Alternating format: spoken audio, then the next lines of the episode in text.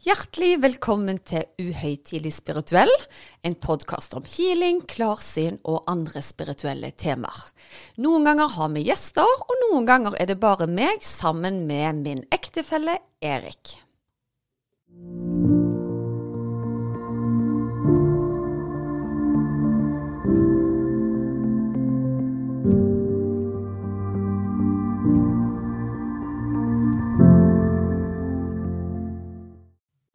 Ja, Susanne, da var vi på gang igjen.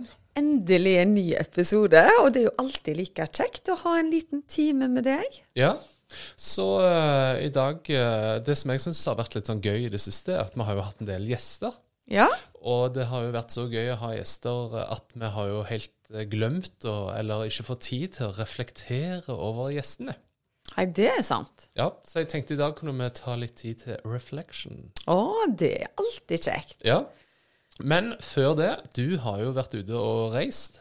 Og vet du hva, jeg har hatt det helt fantastisk. Og det som er så unikt, eh, er jo at jeg har et samarbeid med Torunn Antonsen i Vekten intuitive healer. Jeg jobber med Lila i Skap ditt drømmeliv. Og gjennom henne igjen har jeg truffet ei som heter Toren Ytrehus. Som, eh, hun snakker mye om mat og følelser, og også vært gjest på podkasten vår. Ja. Så bestemmer vi fire for at vi skal treffes i Riga. Egentlig bare for å ha det kjekt og finne ut om vi kan ha noen fremtidige prosjekter sammen. Og jeg og Toren Antonsen vi møtes da for første gang fysisk. Vi har jo vært venner kjempelenge. Ja, for dere er sånn, eh, holdt på å si nesten sånn koronavenner. Dere har bare kjent hverandre over Teams. Ja, vi snakker ofte på telefonen, og vi ser hverandre på Teams titt og stadig, holdt jeg på å si. Så det var jo så spennende å skulle møte henne på flyplassen. For på en måte så kjenner du de 100% På den andre sida så har du jo ikke hatt den der fysiske interaksjonen, da. Så det var kjempegøy. Og når vi møttes, så var det jo som om vi alltid hadde kjent hverandre. Eh, og dynamikken mellom meg, Torunn Antonsen, Torunn Ytrehus og Lila er bare helt fantastiske. Vi storkoste oss fra vi kom til vi reiste hjem igjen. Ja, så gøy.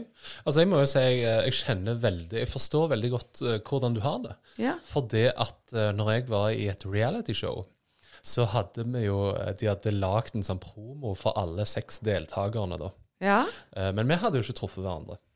Så når vi endelig da skulle møtes for første gang, uh, real life, så ble det jo veldig spesielt. Men det samme følelse, ja, at vi følte jo vi kjente hverandre. For vi hadde denne her uh, ja, både singeltilværelsen, men da TV til felles.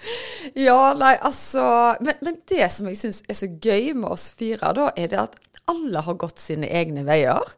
Alle har på en måte fulgt hjertet sitt istedenfor gjerne hodet sitt. Alle har hatt utfordringer som gjør at de virkelig har landa i sin egen kraft. da. Så vi har vært fire sterke damer hvor alle på en måte jobber selvstendig, annet.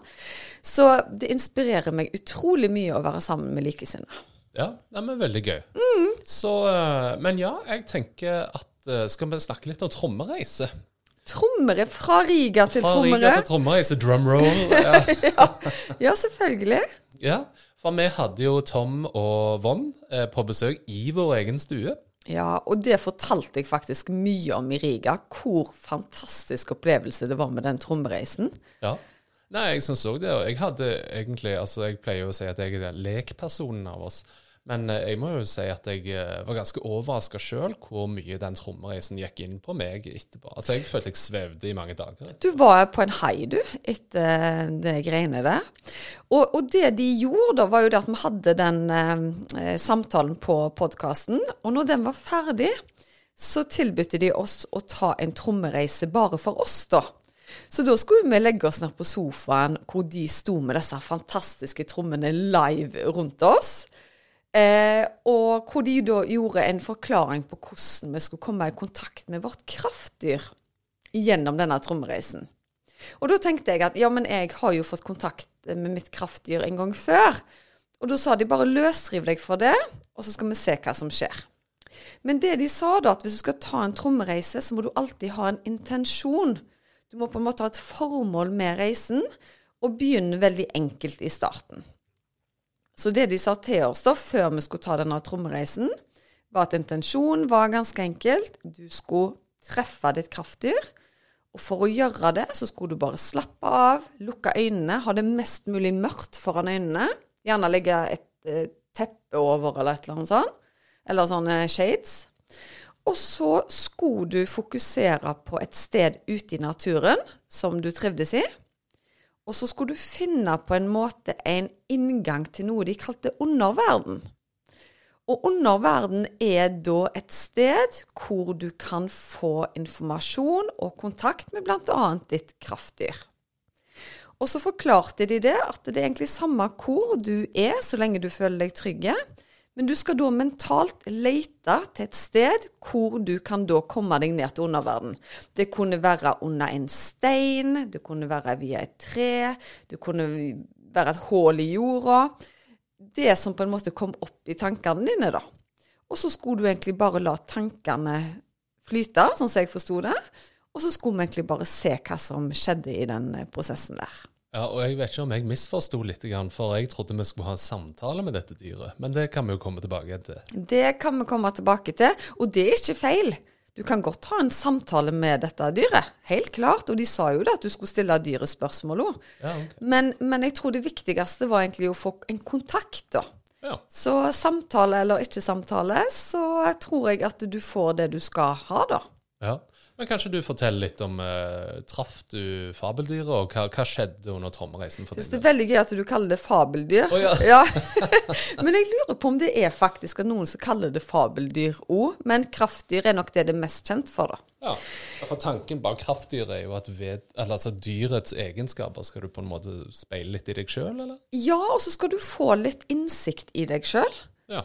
Eh, så jo, jeg tok jo oppgaven på strak arm. La som meg ned, gjør. som jeg gjør. La meg ned på sofaen. Og dette gjorde meg og deg på likt, så vi lå på en måte med føttene mot hverandre, og med, at vi dekte da til, til øynene. Og når de begynte med å slå i disse trommene, så kjente jeg bare det vibrerte i hele kroppen. Og det var utrolig hvor fort jeg gikk inn i en sånn akkurat sånn transemodus, da. Og det de sa, at nå vil vi ha litt sånn systematiske slag i ca. et kvarter. Mot slutten så vil disse slagene på en måte endre seg. Rytmen i musikken vil endre seg. Ja. Og da vil du skjønne at du skal gå tilbake til denne sivilisasjonen, da, på en måte. Mm. Og jeg tenkte med en gang Yes, nå skal jeg finne meg en uh, naturområde i Thailand, for der trives jeg så godt. Og så skal jeg finne et smutthull der, og så skal jeg gå ned i underverdenen. Det var det jeg tenkte på forhånd. Men det som var litt rart, var når jeg lå der, så så jeg barndomshjemmet til mamma. Helt tydelig. Og der hadde de en liten bekk som vi lekte veldig mye i som barn. Det hadde vi selvfølgelig ikke fått lov til våre barn, men ja. vi fikk lov til det. Ja, gå og lek i bekken. gå, gå og leke i bekken. Og når jeg gikk ned til den bekken der, så så jeg akkurat som en sånn en, du vet, en tornado. Bare sånn Hvis du ser vann som går ned i en sluk, på en måte. Ja. Og da så jeg det på en måte nede i bekken, og da fikk jeg formen at der skal jeg bare stupe nedi. Og de sa på forhånd at noen syns det er litt skummelt, selv om det er mentalt, å gå ned i den underverdenen. Og da må du bare prøve flere ganger. Men eh, det gjaldt ikke meg. Jeg bare stupte ned i den, i den virvelvinden, om du vil. Men det som var litt rart, når jeg gikk ned i bekken der, da, altså under bekken, så var det akkurat som en sånn skjulte inngang oppover, oppover mot et annet sted på tomta til barndomshjemmet til mamma. Hvor det var et sinnssykt flott, stort bjørketre som var veldig sånn eventyrlig. Og da visste jeg mentalt at nå er jeg unna med det treet. Og det syns jeg alltid var veldig magisk når jeg var liten. Så vi lekte alltid der og kjente på treet og følte at det var noe spesielt med det, da. Men når jeg da passerte treet på undersida, så møter jeg en ulv. Og da hadde vi fått beskjed på forhånd at vi skulle spørre kraftdyret om er du mitt kraftdyr. Men dette kraftdyret var helt stille. Det sa ingenting, men det førte meg innover i en gang, og jeg følte meg veldig trygge på den ferden, da, på en måte. Og plutselig så kom vi ut av en mørk gang og ut i et paradis av et sted. Det var den nydeligste stranda, det var strålende, glitrende sol, og så så jeg bare mange delfiner som lekte ute i havgapet. Og det var sånn lysegrønt vann. Det var så nydelig. Og de bare hoppet og lekte og nærmest vinka meg ut i havet. Og jeg sprang ut, og jeg observerer meg sjøl i en sånn sportsbikini. Følte meg dritfreshe og sterke.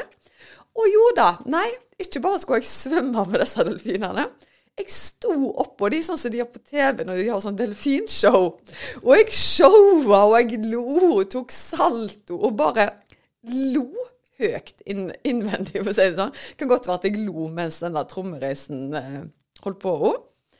Men det var en sånn følelse av lykke som jeg nesten ikke kan beskrive. Jeg må nok tilbake til når jeg var liten og tok, var på tivoli og sånn, at jeg syntes bare det var fantastisk gøy. Så jeg bare hadde det liksom The moment der, da. Og så plutselig ble jeg observant på en hvit ørn på toppen. Og den hvite ørnen har jeg sett tidligere når jeg har fått kontakt med mitt kraftdyr, så da ble jeg litt usikker. Er det delfinene, eller er det ørnen? Hvem er egentlig mitt kraftdyr? Og idet jeg stiller spørsmål da, mens jeg leker med delfinene, hvem er mitt kraftdyr igjen, så hører jeg at den trommelyden begynner å endre seg, at jeg skal tilbake. Og da fører delfinene meg sånn elegant inn til stranda. Så står ulven og venter på meg, og så begynner han stille å føre meg tilbake. Og det som er viktig å meddele, er at eh, når jeg møtte den ulven, så så jeg òg flere andre ulver, men det var på en måte denne som var min, da, på en måte. Så jeg fikk jo følelsen av at når jeg spurte på nytt hvem er mitt kraftdyr, og denne ulven henta meg igjen, så var det nok ulven, altså. Men jeg tror han skulle minne meg på at jeg må ha det mer gøy. Ikke tenke så mye, bare ha det kjempekjekt. Ja. Så det var bare en sånn lykkefølelse når jeg ble tromma ut av denne reisen. For da var jeg plutselig forbi dette bjørketreet igjen, og så kom jeg opp gjennom elva igjen. Og jeg følte meg så lett til sinn, så lett i kroppen, og så leken, at eh, jeg satt bare og smilte fra øyre til øyre. ja. Det er veldig bra. Nei, Jeg syns det er jo ganske tøft, og i, i god uh, stil så har ikke du bare ett, men du har tre dyr som eh, kommer på besøk, så Ja. det er viktig å vinne. Ja, det er viktig å vinne. Men det kan godt være at Jeg tror ikke nødvendigvis at delfinene var mine kraftdyr, da. Men jeg tror ulven ville vise meg hvor kjekt jeg har det hvis jeg følte meg fri. Og nå blottlegger jeg meg sjøl litt. Bare det at jeg sto i bikini, det er ingen selvfølge for meg. Og at jeg følte meg så fri i bikini. At jeg dreit nå i hvordan figuren min eller noe sånt var, var på der. Jeg var bare i takt med opplevelsen, da. Så jeg tror denne ulven ville vise meg uh, ulike ting. Ja. Så reflekterte ting i meg sjøl. Ja, jeg syns jo det er morsomt at du bruker ordet blottlegge, for du kunne jo vel si at det er blotte når du snakker om bikini, men ok. Ja. Så, men eh, ja, jeg fikk jo òg en opplevelse mm, under dette her, og det var jeg jo som nevnt litt sånn Syns jo det var litt rart, for det at det er jo du som er den spirituelle her, da. Men eh, gjennom podden her så har vi jo vist at eh, denne streken kan flyttes litt. Grann. Absolutt. Og jeg tror faktisk ikke lytteren tenker at du ikke er spirituell lenger. Men legg, bare, bare skrinlegg den, du. Trenger ikke se her, det er flere episoder nå. Nei, ok. Men uansett så var jo min greie at jeg eh, gikk til hytta, faktisk. Ja. Og midt på tomten på hytten vår så um, er det en stor stein. Uh, og da tenkte jeg hm, jeg tar og så går inn uh, under den, jeg. Og uh, under den så var det faktisk en stor sånn vindeltrapp, sånn som du ser nesten de går i middelalderen ned fra det høyeste tårnet. ja. Så går de ned i en sånn, da. Uh, og jeg gikk og gikk og kom til en sånn middelalderdør. Den åpner jeg, og utenfor der står det faktisk òg en ulv. Eh, og det var jo litt sånn interessant at begge to hadde uh, ulv som da dyr. Men jeg spør og graver, som sagt. Jeg trodde vi skulle holde en, uh, en samtale med denne ulven. Men han sa ikke så mye. Det var bare jeg som spurte, og han var ganske så stum. Men så sa han plutselig én ting, og det var du må gå opp igjen. ja, og du måtte tilbake, rett og slett, du. Ja, så jeg sprang opp trappen og var da på toppen av denne her steinen igjen, og prøvde en gang til. Så går jeg ned, samme døren, samme trappen, og åpner døren, og der står han igjen. Så sier jeg at du er en ulv, ja. Eh, så sier han se en gang til. Så viser det seg at eh, ulven var ingen ulv. Nei. Han var en husky. Ja. Altså, så da går jo samtalen over på at uh, huskyene da er jo sånne som brukes i hundespann og litt sånne ting. Og eh, dette visste ikke jeg, men eh, det han da forteller, er jo at hver hund har angivelig forskjellige roller. Eh, Du har en som styrer, en som har fart, eller et eller annet sånt. Jeg har ikke satt meg så veldig inn i det, men det er i hvert fall det inntrykket jeg får i denne samtalen. da. Eh, og målet hans, eh, eller hunden da, eh, det var faktisk å få meg til å forstå at jeg må velge hvilken rolle, altså hvilken hund skal jeg være. Skal jeg være den som bare er med på lasset? Skal jeg være den som setter retning, eller styrer farten? Og det er da min oppgave å finne ut av. Ja. Så, og så endrer jo takten seg, da, og da får du jo en liten sånn uh, Dette har jo vært sånn dung, dung, dung, dung, dung, og så plutselig dung, dung, dung, dung, dung. Ja. Så da blir det liksom uh, Nå må jeg springe opp trappen igjen, ikke sant? Eh, så, men etter det så følte jeg liksom OK, hva tid har du en betydningsfull samtale med en hund? Det skjer jo ikke så ofte. Nei, det gjør det ikke. Så når trommen hadde på en måte eh, lagt seg, da, vi fikk ja, akklimatisert oss litt med Tom og Von, så hadde jeg en liten samtale med Tom, da, hvor jeg sa jeg var jo ganske overraska, for jeg har jo prøvd meditasjon og litt sånn forskjellige øvelser, og jeg føler ikke nødvendigvis at alle har vist seg på en så god måte som dette var, da. Eh, Så det han nevnte, da, det var jo at eh, veldig mange menn har jo et lite sånn eh, anstrengt forhold til det spirituelle, for det at det er veldig feminint prega, Mm. Si engler og litt sånn forskjellig, da. Mens eh, sjamanisme, eller trommereisen, da, den er kanskje litt mer sånn mannlig prega. Det er litt sånn mer schwung over det. sant? Dunk, dunk, dunk, dunk. Det er Ja. litt sånn maskulinitet i det. Ja, og det kan godt være at uh, maskulin som jeg er, ja. tente veldig på denne uh, angrepsvinkelen, da. Ja, veldig, veldig spennende. Og det var jo det som var så gøy å diskutere med disse uh, sjamanene nå, er jo det at uh, vi snakker jo om det samme. Det er jo bare at vi leverer det på ulikt vis, da. Og jeg tror vi har utrolig mye å lære av hverandre, da. Ja. Så en sjaman er jo òg en healer. Det er bare det at denne trom tromma blir brukt på en måte som et verktøy. Sånn som jeg bruker kanaliseringer som verktøy. Ja. Så det er utrolig gøy. Men det jeg må si som var mest interessant etter denne trommereisen, var jo endringen i deg. ja. Fordi du har jo ikke bare endra deg, eh, vil jeg si, fysisk. Du har jo blitt en utrolig sterk utgave av deg sjøl i det siste. Men så har du òg bestemt deg for å gjøre noe annet med livet ditt. Ja, så nå eh, starter jeg eh, mitt eget firma, faktisk. Vet du hva, det er så musikk i mine ører, Erik, fordi du har gjennom all den tida jeg har kjent deg, så har du brent for å hjelpe andre mennesker. Om det er mindre bedrifter som trenger en turnaround, eller om det er enkeltpersoner som trenger på en måte en ny kurs i livet sitt. Du har jo egentlig jobba med dette her så lenge jeg kan kjenne deg, du har bare ikke tatt betalt for det, da. Det er jo det som er forskjellen. Ja, stemmer det. Og jeg føler jo ofte den tredelingen du er inne på, liksom der representerer jo litt meg. da. Det at jeg gjerne eh, hjelper bedrifter, som du er inne på. Der er kanskje satt en strategi. Og så skal jeg hjelpe de opp av hoppbrettet, da, for å si det sånn. Og ja, tydeliggjøre strategien og lage konkrete aksjoner, da.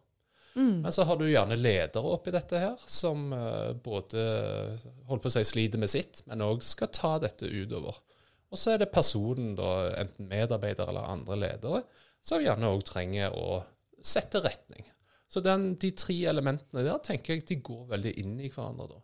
Og mye av dette handler jo om å ha en god samtale sammen, skape en eh, fin arena med tillit, sånn at vi kan ha åpne og ærlige samtaler og dele mye, eh, og da eh, sette retning sammen. Mm. For, for det på en måte som er litt unikt med deg, da, er at du er veldig flink med folk og ser folk, men så er du òg utrolig effektiv når det kommer til å eh, effektivisere business, da. Sant? Du, har jo, du er enormt strukturelle. Så eh, de blir heldige, de som får jobbe med deg nå framover, tenker jeg. Ja, jeg håper jo folk har lyst til å jobbe med meg òg, så nå uh, holder vi jo på å lage nettside for meg. Uh, men uh, hvis folk vil ta kontakt allerede nå, så er det jo navnet mitt, da. Erik alfakrølledapt.no. Og jeg er ikke i tvil om at du blir en populær mann. Vi har jo fått utrolig mange forespørsler om dette før du i det hele tatt har starta dette firmaet.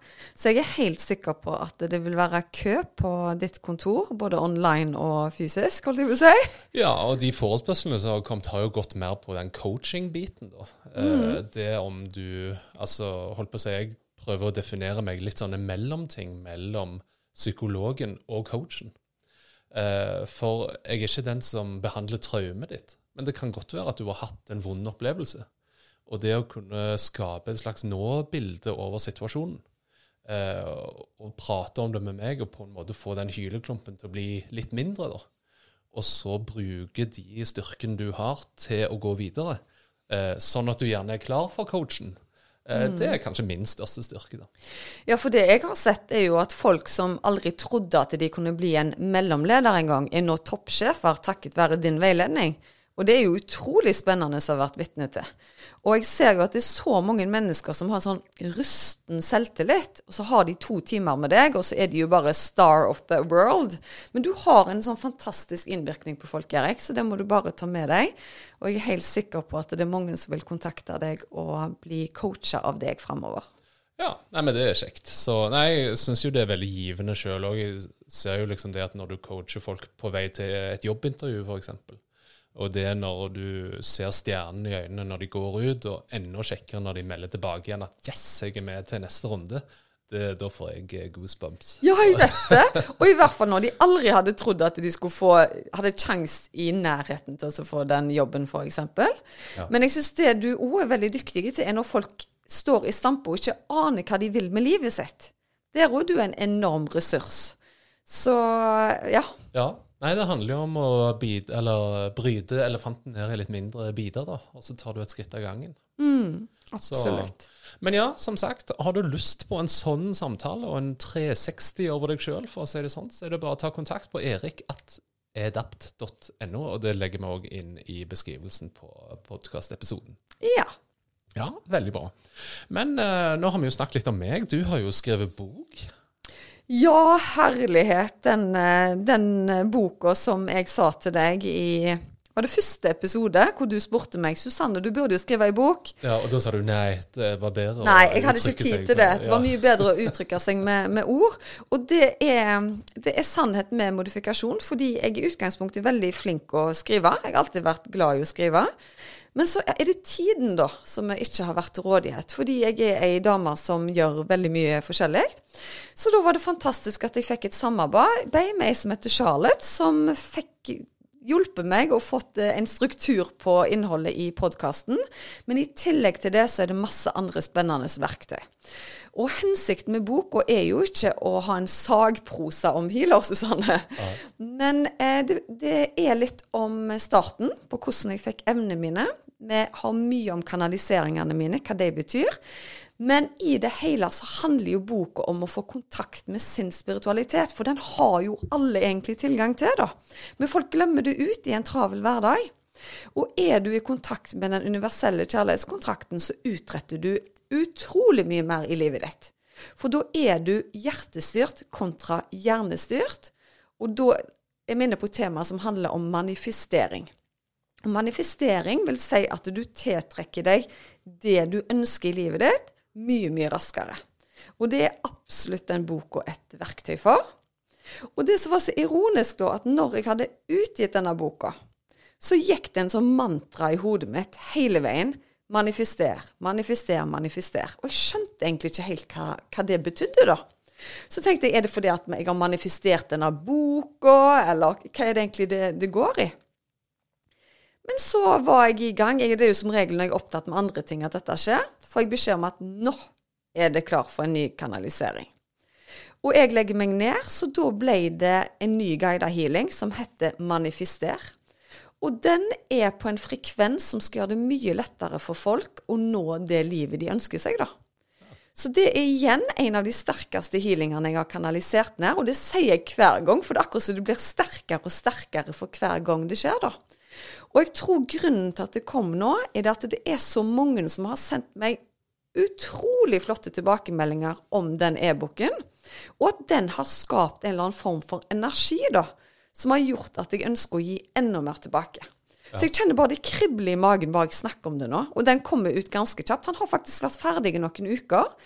Men guidene mine har eh, bedt meg holde litt igjen, og det tror jeg har med den energien å gjøre. Men nå er det såpass mange som har lest eh, boka, at nå er den eh, på tide å få gi den ut. Ja. Nei, og jeg må jo si jeg har jo òg lest den. Jeg Ja. syns det var veldig kjekt og inspirerende. For det oppsummerer jo mye av det vi har snakket om på podden. Men det går jo mye mer i dybden òg, så du sitter jo igjen med litt mer. Og så syns jeg det er kjekt at det er på en måte en slags verktøy da, til å komme mer i kontakt med kraften.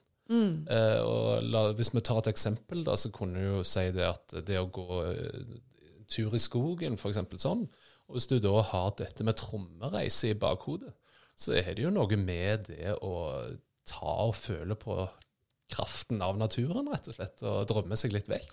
Absolutt. Og så er det jo enkle teknikker til hvordan du f.eks. kan komme i kontakt med dine egne guider. Og gjøre det da i kombinasjon med den trommereisen f.eks.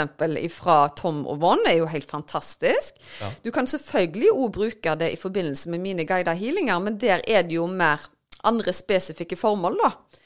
Men eh, det som eh, jeg syns var veldig kjekt da, var jo når jeg kom ut en morgen og du satt og leste boka. Det hadde jeg faktisk ikke trodd at du hadde tid til, tid til å gjøre. Jeg venter på. Ja, men det som var så gøy, var at du virka så imponert. At eh, herlighet, har du klart å få så mye vettugt ned på papiret på såpass få sider, da. Så det er jo ei bok du klarer å pleie gjennom relativt eh, raskt. Ja. Og så sa du at du lærte så mye. Og da ble jeg veldig, veldig glad. Ja, nei, men så kjekt. Nei, og jeg eh, vil jo påstå at uh, eplet ikke faller så langt fra stammen heller, så jeg fikk jo tilbakemelding fra min far, Ja. eh, som òg da, eh, la oss kalle han i dine ord, hjernestyrt. Eh, Ja, han er veldig hjernestyrt. Og bare det at du ville at pappen din skulle lese han, da tenkte jeg å herlighet, hvordan skal dette gå? Jeg respekterer pappen din veldig, og han er jo en veldig sånn eh, teoretisk fyr, vil jeg si da. Har vært sjef i Total og er liksom sånn, ja. Ja. Nei, og det var jo gode tilbakemeldinger der. Eh, han var jo imponert. Vet, han, han var jo over seg av begeistring, så jeg satt nesten og rødma når, eh, når han eh, ga meg tilbakemelding. Og når svigerfar sier da at dette er ei bok for alle, Susanne For jeg var jo litt redd for at han skulle si at å, dette er høytsvevende eller noe sånt, men han sa at dette var jo absolutt ei bok, ei håndbok alle burde ha for å få et bedre liv. Ja. Så da tror jeg nesten jeg hadde ei tåre i øyekroken. Ja, og det kommer fra en mann som eier mer enn ti bøker. Ja, det gjør han. Han har mye bøker. Nei, så jeg ble veldig, veldig glad da, altså. Ja. Du var inne på dette med den universelle kjærlighetskraften. Ja. Eh, og du har jo fått et spørsmål faktisk eh, siden sist. ja, vet du hva, og det spørsmålet syns jeg var så fint. Eh, at jeg tenkte jeg ville lese det høyt, fordi jeg tror dette er kanskje noe som flere lurer på, da. Ja. Hei, Susanne og Erik. Jeg fant podkasten deres forrige uke på Podimo, og er så glad for at jeg fant dere. Jeg hører flere episoder hver eneste dag. Spennende og lærerikt å høre på dere. Jeg har hørt på guided healing flere ganger, og synes det er superspennende. Jeg har vært interessert i det åndelige og spirituelle i mange år. Jeg jobber som spesialsykepleier på en nyfødt intensivavdeling. Jeg sender ofte lys og kjærlighet til de syke små. Opplever også at jeg er medisinsk intuitiv, men det som skremmer meg og bekymrer meg, er at de gangene jeg sender barnet mye lys og kjærlighet, fordi jeg føler for det, kan de etter noen dager bli mer syke. Det gjør meg utrolig redd. Er det jeg som påfører, påfører babyen negative energier? Kanskje ikke ny, nyfødte bør heales? Det har resultert i at jeg ikke har turt å sende vibber. Hva tenker du? Skal, bør ikke premature syke nyfødte heales? Neste spørsmål. Jeg har en sønn som er kronisk syk, og når jeg hører på guided healing, går alltid tankene til han. Går det an å overføre guided healing over til andre når jeg får healing? Svar hvis du har tid og mulighet. Og igjen, tusen takk for en flott podkast. Dere er første prioritet nå, altså. Ha en nydelig ettermiddag. ja, det var jo koselig, da. For det første så syns jeg det er helt fantastisk at hun som intensivsykepleier velger å sende lys og kjærlighet til disse søte små som er alvorlig syke. Og jeg kan betrygge deg med en gang at du kan aldri gjøre noe gale. Og grunnen til at du gjerne opplever at disse syke små blir dårligere etter noen dager, det kan være tosidig. Det ene kan være at du rett og slett fanger opp at dette barnet her er så sykt at det, det trenger healing. Derfor sender du kraft og lys, fordi du egentlig vet at dette barnet kommer til å bli sykere. Så det er ikke det at du sender kraft som gjør det sykere. Det er det første. Det andre Noen ganger når vi sender healing, så kan ting bli litt verre før det blir bedre. Men da vil det alltid bli bedre etterpå. Så du kan aldri skade en baby eller en nyfødt med å sende lys og kjærlighet. Det er helt umulig. Den healingkraften er så utrolig intelligent at det er den som gjør jobben. Når det er sagt, når vi jobber som healer, og vi skanner f.eks., vi skal finne ut hva som feiler de, så må vi alltid ha tillatelse fra foreldrene til å sende healing. Men det at hun som intensivsykepleier ser at et barn er sykt, og sender gode tanker, det vil de aller fleste tillate. Og du trenger ikke be om tillatelse til det. Men når vi jobber sånn som jeg gjør bl.a., hvor jeg går inn og så skanner og skal få informasjon, det er noe helt annet. Så hun gjør det helt korrekt med å sende gode tanker til disse eh, søte små. Ja. Men nå har vi jo det kurset som heter Vekt din intuitive healer, hvor du kan lære å jobbe med disse tingene her. Da vil vi gi deg verktøyene som gjør deg trygge, sånn at du kan være sikker at du ikke gjør noe galt i det hele tatt. Men når det er sagt, du gjør aldri noe galt med å kjenne etter og sende lys og kjærlighet. Så fortsett med det. Jeg syns at disse babyene er utrolig heldige som har akkurat eh, deg. Når det kommer til neste spørsmål, så har hun en kronisk syk sønn, så hun lurer på om at eh, han på en måte får healing når hun får healing, da. Eh, det kan skje, men da er det spesifikke teknikker som, som trengs. Så jeg vil heller bare anbefale deg å la barnet ditt lytte til guida healinger. Det kan de òg gjøre når de sover, hvis de ikke er så mottagelige. Vi har òg den som heter barnehealingen, som er fra barn opp til tolv år. Som er utrolig effektive. Og den er lagt opp på en måte en sånn eventyrform som gjør at, eh, at barn syns det er spennende å høre på. Og den bruker vi jo sjøl på, på, den minste vår, med veldig god respons. Du har jo sett det sjøl, Erik. Han sovner på et blunk. Han sovner på et blunk uansett hvor sjuk han er. Og han har jo mye allergi, så han spyr jo hele natta hvis ikke. Og vips, så er det, det over. Men alt i alt så, så, er nok du en eh, person, du som har stilt disse spørsmålene, veldig åpen. Det er ingen tvil om at du har krefter, så det hadde vært utrolig spennende å veilede deg i Vekk din intuitive healer. Ja, spennende. Uh, vi kan jo gå litt videre. Det er jo en episode vi ikke har snakket om, som, uh, og det er jo møtet vårt med Marianne Behn. Ja! Uh, og der var det jo ingen nyfødt i bakgrunnen, men det var et lite barnebarn som gjorde seg til kjenne, uh, og det var jo veldig koselig. Kjempekoselig. Så jeg syns det var så sporty av henne selv om at hun hadde besøk av barnebarnet, som gjerne ropte på is, eller jeg vet ikke hva hun gjorde, at hun likevel tok seg tid til å være med oss. Og jeg syns det var utrolig modig av henne å snakke om sorgen overfor uh, Ari. Ja. og bare det at uh, jeg kjente at vi var så enige om så mye.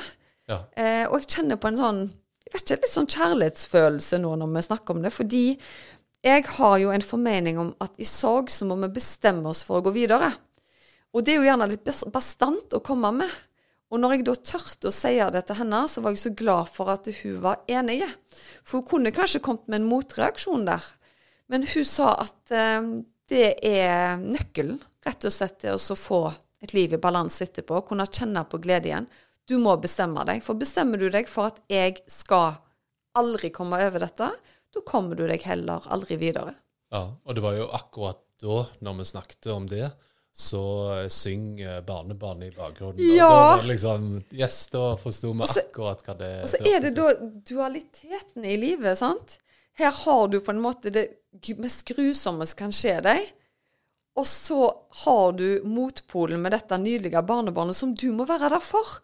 For idet du velger å la sorgen ete deg opp, så har ikke du ressurser til å gi til andre du er glad i. Nei. Så det betyr ikke at vi ikke skal sørge, men på et tidspunkt må vi òg leve. Ja. Og jeg syns den samtalen med henne var utrolig, utrolig fin. Ja. og ikke minst altså både, både med Trommereisen og med Marianne Behn, så er jo målet vårt at dette skal være en trygg arena eh, for gjestene våre å prate om det som eh, gjerne ikke går an å prate med andre om. Så jeg syns at eh, det har vært en fin, ærlig og en respektfull samtale. Absolutt. Og så får vi jo så mye nye venner. Altså Det er jo ikke sånn at når meg og deg intervjuer noen, så er det 'ha det bra', ja. Det er noen av disse, Tom og Vonn og Marianne nå. Så vi har jo kontakt med dem, og det er utrolig kjekt å kunne dele spiritualitet med så mange fantastiske mennesker. Ja, Kanskje vi burde ha en sånn når vi når 100 episoder, så er det reunion party. Ja, kanskje det. At vi tar en sånn snutt med hele, hele gjengen. Ja, det må jo være live. Ja, å, selvfølgelig skal vi det. Ja. Yes. Eh, med, da går ørnen inn for landing, for å si det sånn. Det, nå har vi altså snakket om eh, trommereise. Ja. Vi har eh, vært på reise til Riga. Ja, det har vi. Ja, vi har snakket litt om eh, kjærlighetskraften og hvordan dette kan påvirke eller hjelpe barn eh, og nyfødte. Eh, vi har snakket om sorg. Så vi har vært mange, gjennom mange fasetter av livet i denne episoden. Og ikke minst eh, nye muligheter for undertegnede. Vet du hva, Erik? Jeg er helt sikker på at lytterne jubler over at du nå går ut ifra din boks og tar steget inn og skal jobbe med det du er ment for å jobbe eh, med, tenker jeg. Ja, og angående jubel, så er det egentlig sånn jeg ser meg. Hvis du trenger en på din tribune, så er det meg. Så skal du heie de gjennom eh, livet, rett og slett. Ja. Så heldigen de som får deg som bestevenn, tenker jeg. Dere skal få låne den ei stund. Ja, det er veldig bra. Ok, med det så setter vi strek for denne sendingen. Eh, ta gjerne og lukk øynene og spill forrige episode med trommereise for å prøve å få tilsvarende opplevelser. Det hadde vært veldig spennende å høre mer om. Eh, ja, Og så må dere følge oss på Instagram, og vær så snill, legg inn en tilbakemelding på podkasten om dere liker det dere hører på. Og så setter vi utrolig pris på om dere tagger oss når dere hører på oss. Det er veldig kjekt. ja. Det vet ikke jeg hva er. Kan du eh, si hva det er? Vet du ikke hva tagge Erik, Erik, Erik trenger seg du, du trenger deg en egen Instagram-konto. Det du gjør da, da, da tar du et bilde av deg sjøl, at du lytter på en podkast, og så skriver du at uhøytidelig spirituell, eller i vårt tilfelle at healer Susanne. Så bare lager du en post at du hører på, sånn at jeg får den tilsendt til min innboks. Spennende. Da lærte vi noe nytt i dag. Ok.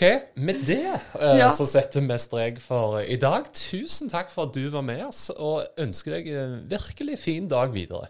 Ha det! Ha det, ha det.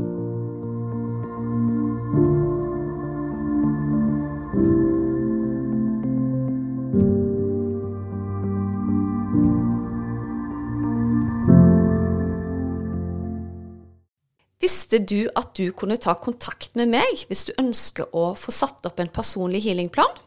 Da er det bare å kontakte meg via Instagram eller på e-post, så gjør jeg det helt kostnadsfritt. Da er det mye lettere å vite hvilken healing du skal velge, til hva tid du skal bruke den, og hvor mange uker du bør benytte deg av deg. Gå inn på healersusanne.com.